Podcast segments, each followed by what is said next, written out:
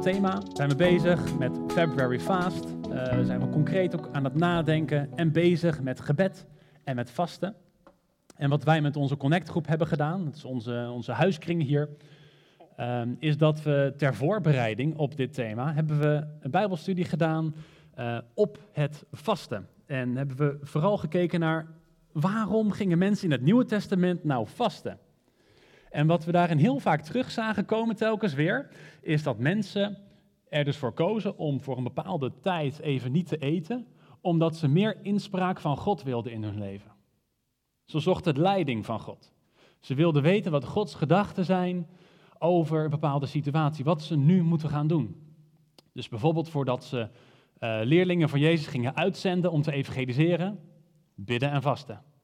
Aanstellen van nieuw leiderschap, bidden en vasten. Heere God, wat wil u? We willen God begrijpen. En wat ik ook een hele interessante vraag vind wel, of in ieder geval, dat is iets wat ik me afvraag.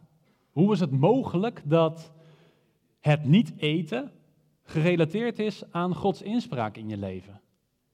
Wat heeft God met eten te maken? En misschien kom je daar iets verder mee als je bedenkt wat vasten nou precies is. Kijk, vasten is dus dat je een tijd niet gaat eten. Dus wat doe je dan concreet? Je zegt, dit zijn mijn dagelijkse zorgen. Hier ben ik iedere dag mee bezig. Wat zal ik eens eten? Ik ga het klaarmaken. Hoe laat moet het klaar zijn? Even niet. Vandaag even niet. En ik geef meer tijd en meer gedachten aan God. En zo kun je dus blijkbaar tot een dieper begrip komen van wie God is en wat Hij verlangt van jou in je leven. Dus zo zie ik de link van vasten naar wat al genoemd was, uh, een bepaalde mate van onkruid in je leven. Uh, de, zorgen die in jouw hart spelen, waardoor je misschien niet een al te scherp beeld hebt op wat God precies wil van je. En dat doet sterk denken aan een gelijkenis. En dat is een gelijkenis die staat in Matthäus 13. En um, nou, ik zal hem eerst even een stuk voorlezen. We beginnen bij vers 3. En daar lezen we: Hij sprak hen uitvoerig toe en vertelde gelijkenissen. Iemand ging eens naar zijn land om te zaaien. En tijdens het zaaien viel een deel van het zaad op de weg. En er kwamen vogels die het opaten. Een ander deel van het zaad viel op rotsachtige grond, waar maar weinig aarde was. En het schoot meteen op. En omdat het niet diep in de grond kon, eh, omdat het niet diep in de grond kon doordringen. En toen de zon kwam, verschroeide het. En omdat het geen wortel had, droogde het uit. En weer een ander deel viel tussen de distels. Dat is onkruid. En toen die opschoten, verstikten ze het saaigoed. Maar er viel ook wat zaad in goede grond. En dat bracht vrucht voort. Deels honderdvoudig, deels zestigvoudig en deels dertigvoudig. Laat wie oren heeft, goed luisteren. Uitroepteken. Nou, dat uitroepteken dat hadden zij niet, maar dat staat wel in veel van onze vertalingen. Dat is grappig, dat doet Jezus regelmatig. Dat hij zegt, wie oren heeft, luister goed. Dit is zo belangrijk wat ik hier vertel. Nadruk, attentie. En dat dit zo'n heel belangrijke gelijkenis is, dat lezen we ook direct in bijvoorbeeld het Marcus-evangelie. Want het Marcus-evangelie heeft deze gelijkenis ook genoteerd.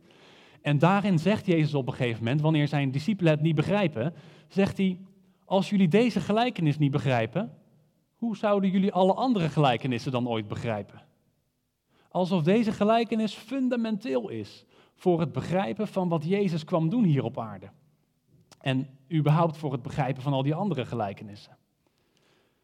En je hoort misschien al dat ik het woord begrijpen nu al heel vaak heb genoemd, maar dat wordt ook enorm vaak genoemd in het hele gedeelte van Matthäus 13, vers 1 tot en met 23, waar die gelijkenis in zijn volledigheid staat. Er staat maar liefst 14 keer iets genoteerd over het al dan niet begrijpen van Gods koninkrijk. En dan staat er iets als ogen die zien en oren die horen, harten die begrijpen.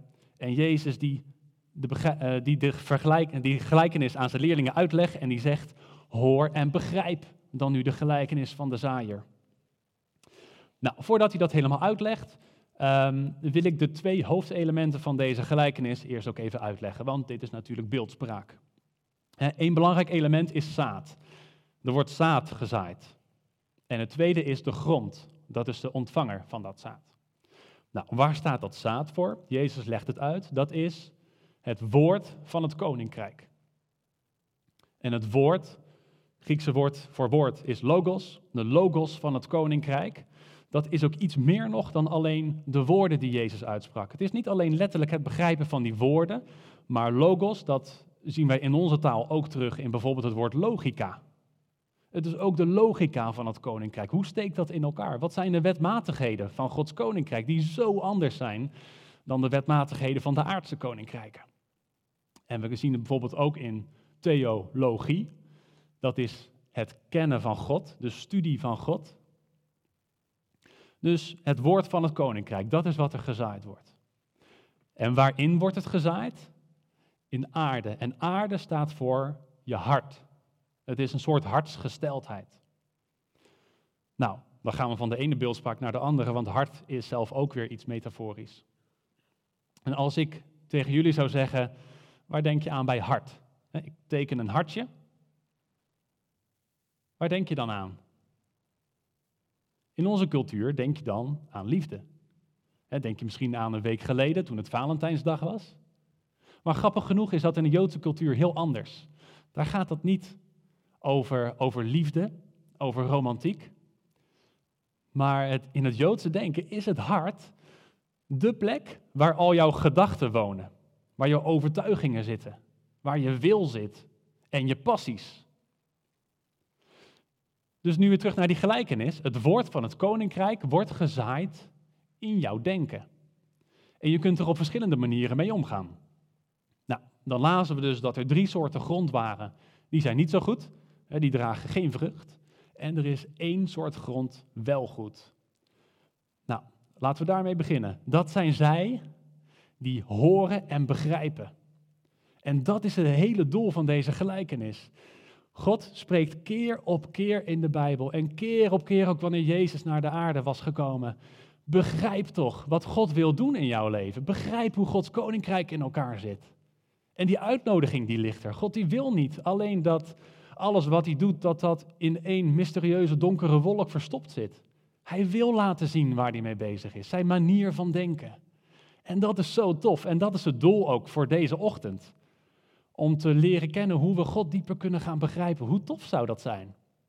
Dat net zo goed als dat je aardse koninkrijken kan begrijpen, dat je Gods koninkrijk kan begrijpen. En dat dat jouw eerste natuur wordt. Gods koninkrijk, wat zo compleet tegenover gesteld is aan aardse koninkrijken. Dus dat is mooi, dat is tof, dat is het positieve. Maar er zijn dus wel wat obstakels daarvoor en dat zijn die drie typen grond. Nou, daar gaan we eens doorheen en uh, gaan we kijken wat dan die obstakels kunnen zijn. Ten eerste wordt er gezegd, Jezus zegt, hoor en begrijp dan nu de gelijkenis van de zaaier. Bij ieder die het woord van het koninkrijk hoort, maar die het niet begrijpt, daar komt de duivel zelf en die grist het zaad weg, waardoor het geen vrucht draagt. dat, dat, dat, waren zij met, um, met een laag weg. stenen, of in onze tijd asfalt, bovenop de zachte aarde. Het zaad kan er gewoon niet bij komen. Er zit een harde laag omheen. En die mensen willen het niet begrijpen. Hun hart is hard. Ik denk hoe ik denk. Mijn overtuigingen staan vast. Ik luister niet naar wat anderen zeggen. Nou, dat is niet best. Zo kan je nooit God leren begrijpen als je helemaal vast zit in hoe jij nu al denkt. Ten tweede, de rotsachtige grond. Dat was het zaad wat gezaaid werd. En het is een dun laagje aarde. Dus je wil daadwerkelijk nieuwe ideeën ontvangen van God. Maar er zit ook allemaal rots in en het is te ondiep. En oppervlakkig als ze zijn, zo staat er geschreven, gaat het echt meteen als een malle de lucht in, die plant. Het groeit supersnel, want het hoeft geen energie te steken in diepe wortels, want die plek is er niet. En dan, wat gebeurt er dan? Dan gebeurt er precies wat Dirk hier met de kids heeft uitgelegd. Dan komt het vuur, dan komt de zon. En wat gebeurt er dan? Als jij je niet hebt gevuld met de woorden van de geest, bang, dan klapt alles, dan verbrandt de plant en draag je geen vrucht. Precies zo met die ballonnen. Grappig hoe dat daar exact in linkt. Dus die rotsen, die rotsachtige grond, dat is een soort van uh, vaste, onveranderlijke kern in je hart van een soort voordeelchristendom. Want wat daarin, wat daarin uitgelegd wordt door Jezus is, wanneer het dan vervelend wordt in je leven, dan zeg je, ho maar. Hier heb ik niet voor getekend, ik stop ermee. God moet mijn leven wel tof en leuk maken, maar anders? Nee. Nou, dat is dus ook absoluut niet de bedoeling. Derde type grond, hier gaan we iets langer bij stilstaan. Want dit linkt ook mooi met dat thema van February Fast. Waarin je bepaalde elementen uit je leven haalt. Want nu gaan we kijken naar dat onkruid. Dus deze grond, dat is wel interessant om dat ook uh, te zien. Deze grond is in feite goed. Het is mooie, zachte aarde. Uh, er zitten geen rotsen in. Het zijn mensen die willen inderdaad Gods koninkrijk meer begrijpen. Die hebben honger naar God, die willen meer. En die zijn ook uh, ervan bewust dat er tijden zijn waarin het allemaal even net iets minder leuk is. En die houden toch vol, die houden stand, die hebben diepe wortels. Maar er zijn distels. En dat zijn te veel concurrerende gedachten in je hart. Te veel andere verlangens, te veel andere passies. En die verstikken de bol. Die zitten in de weg. Dus houd het positieve doel voor ogen. Wij willen een dieper begrip van Gods koninkrijk. Maar voordat we meer kunnen krijgen van God, moeten we ook minder krijgen van iets anders. Nou, wat zijn dan die distels in je leven? Er staan twee dingen hier in het Matthäus-evangelie. Ten eerste, de zorgen van het dagelijks bestaan. Of de zorgen van het leven. En ten tweede, de verraderlijke verleidingen van de rijkdom. Dit zijn twee zijden van dezelfde munt. Aan de ene kant kun je dus met je gedachten te veel gericht zijn op wat jouw natuurlijk leven kan aantasten. Dat zijn die zorgen. Oh, als, als dit maar niet gebeurt. En, oh, ik maak me zo'n zorgen om, om de coronacrisis. En wat gebeurt er met mijn baan? En wat als het nou nog een paar maanden langer volhoudt? En nou ja, reële zorgen. Of te veel bezig met nou ja, wat, wat, wat andere mensen van jou vinden. Zorgen om het dagelijks bestaan. Aan de andere kant juist dat je aandacht uitgaat naar wat je natuurlijk leven kan verrijken. En dat is een verleiding die er is als je rijk bent. Want dan zijn er talloze opties. Je kunt weet ik het hoeveel verschillende dingen kopen als je rijk bent. En dat geldt voor iedereen van ons. Zelfs als het moeilijk is om rond te komen, dan, is het, dan ben je zo rijk. Zeker als je dat vergelijkt met de mensen in de Bijbel, 2000 jaar geleden, tegen wie Jezus sprak. Maar goed, die zorgen van het leven. Een uh, quote wat je gedeeltelijk waarschijnlijk wel kent, omschrijft dit wel heel goed. De zorgen van het leven. Een mens lijdt vaak het meest door het lijden dat hij vreest. Maar wat dikwijls niet gebeurt en steeds weer in zijn hart zo zeurt, een concurrent van de gedachten van de geest. Dus een mens lijdt vaak het meest door het lijden dat hij vreest. Maar wat dikwijls niet gebeurt en in zijn hart steeds zo zeurt, een concurrent van de gedachten van de geest.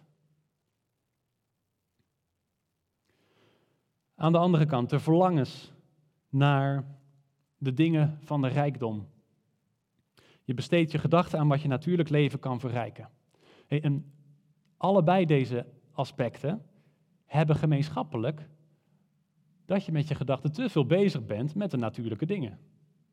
Met het fysieke, met het tijdelijke, met het hier en nu.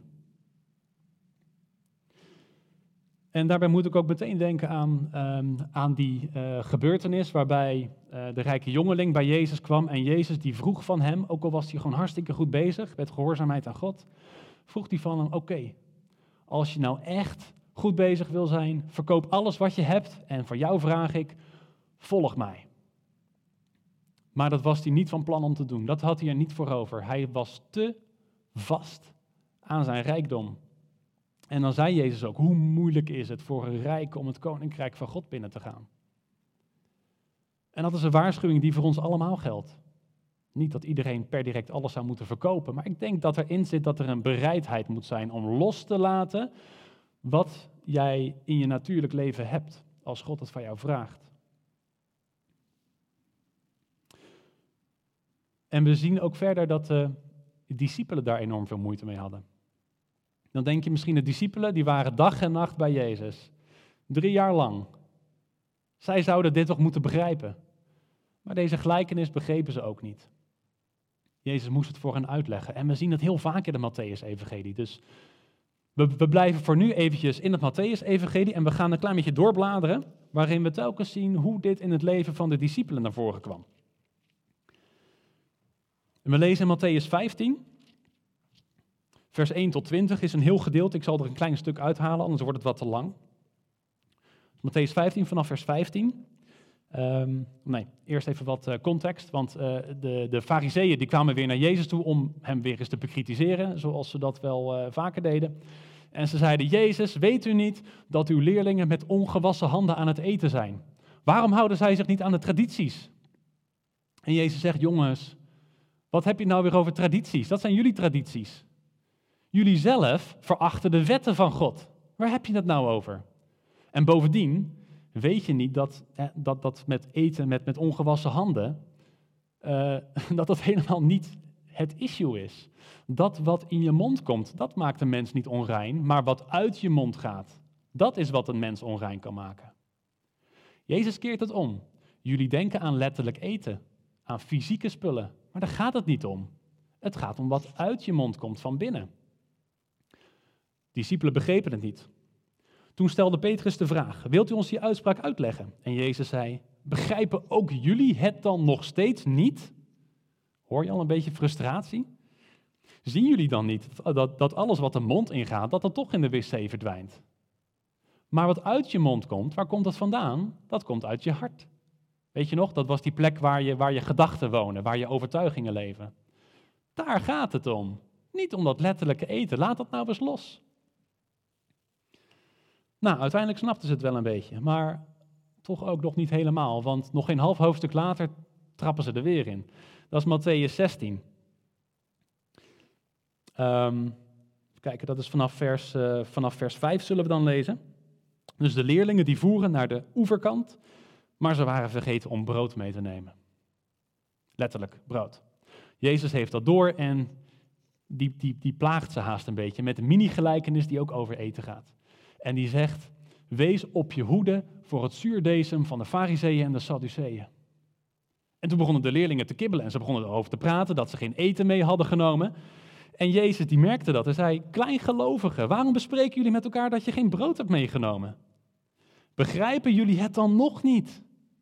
En herinneren jullie ook niet, toen met die vijf broden en twee vissen en die wonderbaarlijke vermenigvuldiging? Focus nou niet op eten, dat komt toch allemaal goed joh. En zo wat als je een keer lunch kan, uh, gaat uh, skippen. God weet wat je nodig hebt en hij zorgt toch voor je. Wees op je hoede voor het zuurdezen van de fariseeën en de sadduceeën. Jezus herhaalt het nog een keer. En toen dachten de leerlingen, oh, hij heeft het niet over letterlijk eten. Hij heeft het over de leer van de fariseeën en de sadduceeën. Daar moeten we voor oppassen. Het gaat niet om natuurlijk brood, het gaat om geestelijk brood wat zij geven. En nou, zo zouden we letterlijk nog een half uur door kunnen gaan. Telkens weer dat Jezus een natuurlijk principe gebruikt om iets geestelijks uit te leggen en zegt focus nou op dat geestelijke.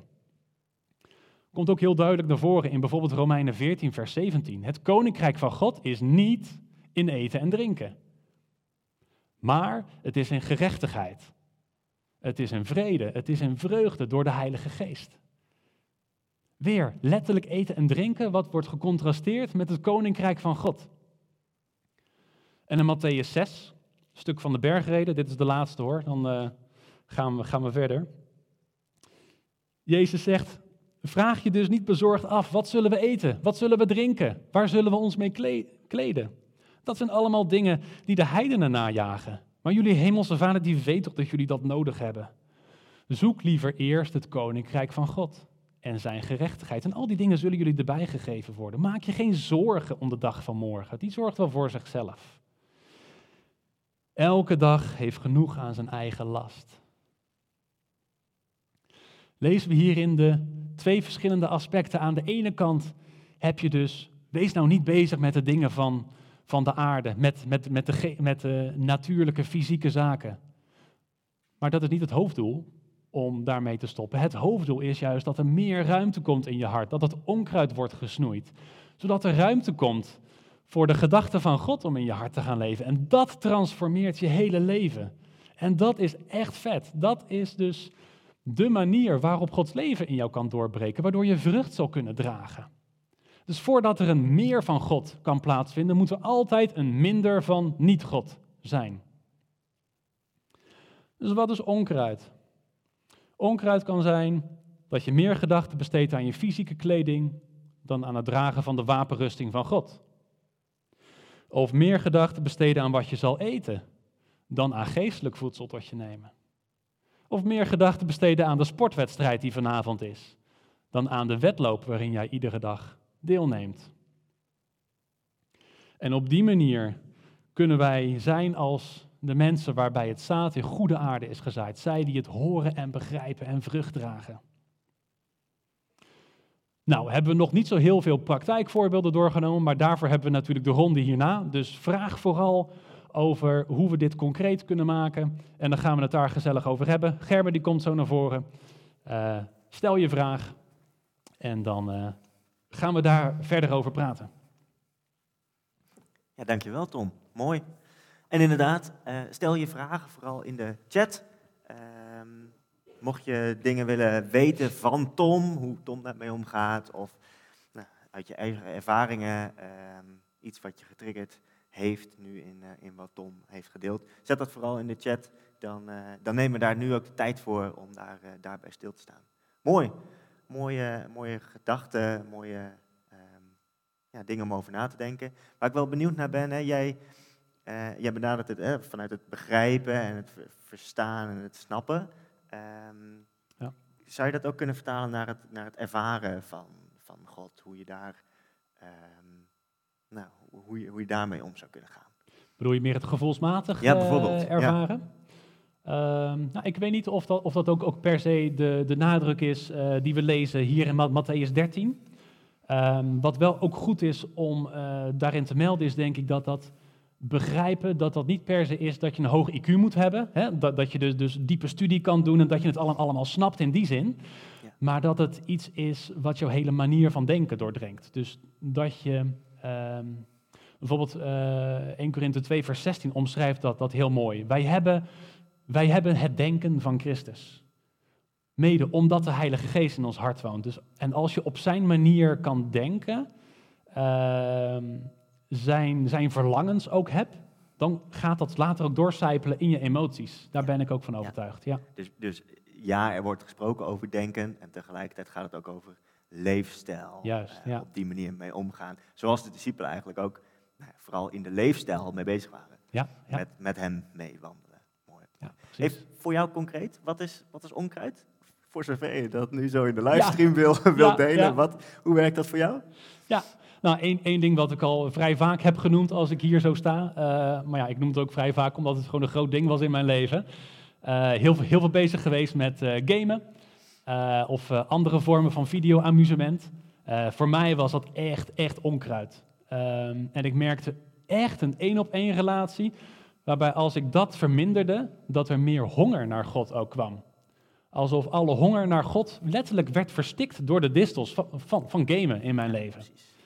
Uh, waarbij dan dus ook niet gezegd hoeft te worden dat alles voor iedereen op dezelfde manier onkruid is. Uh, voor mij had het een grote impact, maar misschien dat iemand voor jullie wel gewoon lekker gezellig een half, half uurtje FIFA kan spelen op een dag en uh, daarna kun je het loslaten. Dus uh, ik denk dat we daar ook wijs in moeten zijn om niet te zeggen van um, deze activiteit is altijd slecht. Precies. Ja. Uh, of dat je het in mate, ja, in bepaalde mate alleen toepast. is het ook niet. Ja? Ja, sluit mooi aan op een vraag die ik binnenkrijg vanuit de, vanuit de livestream.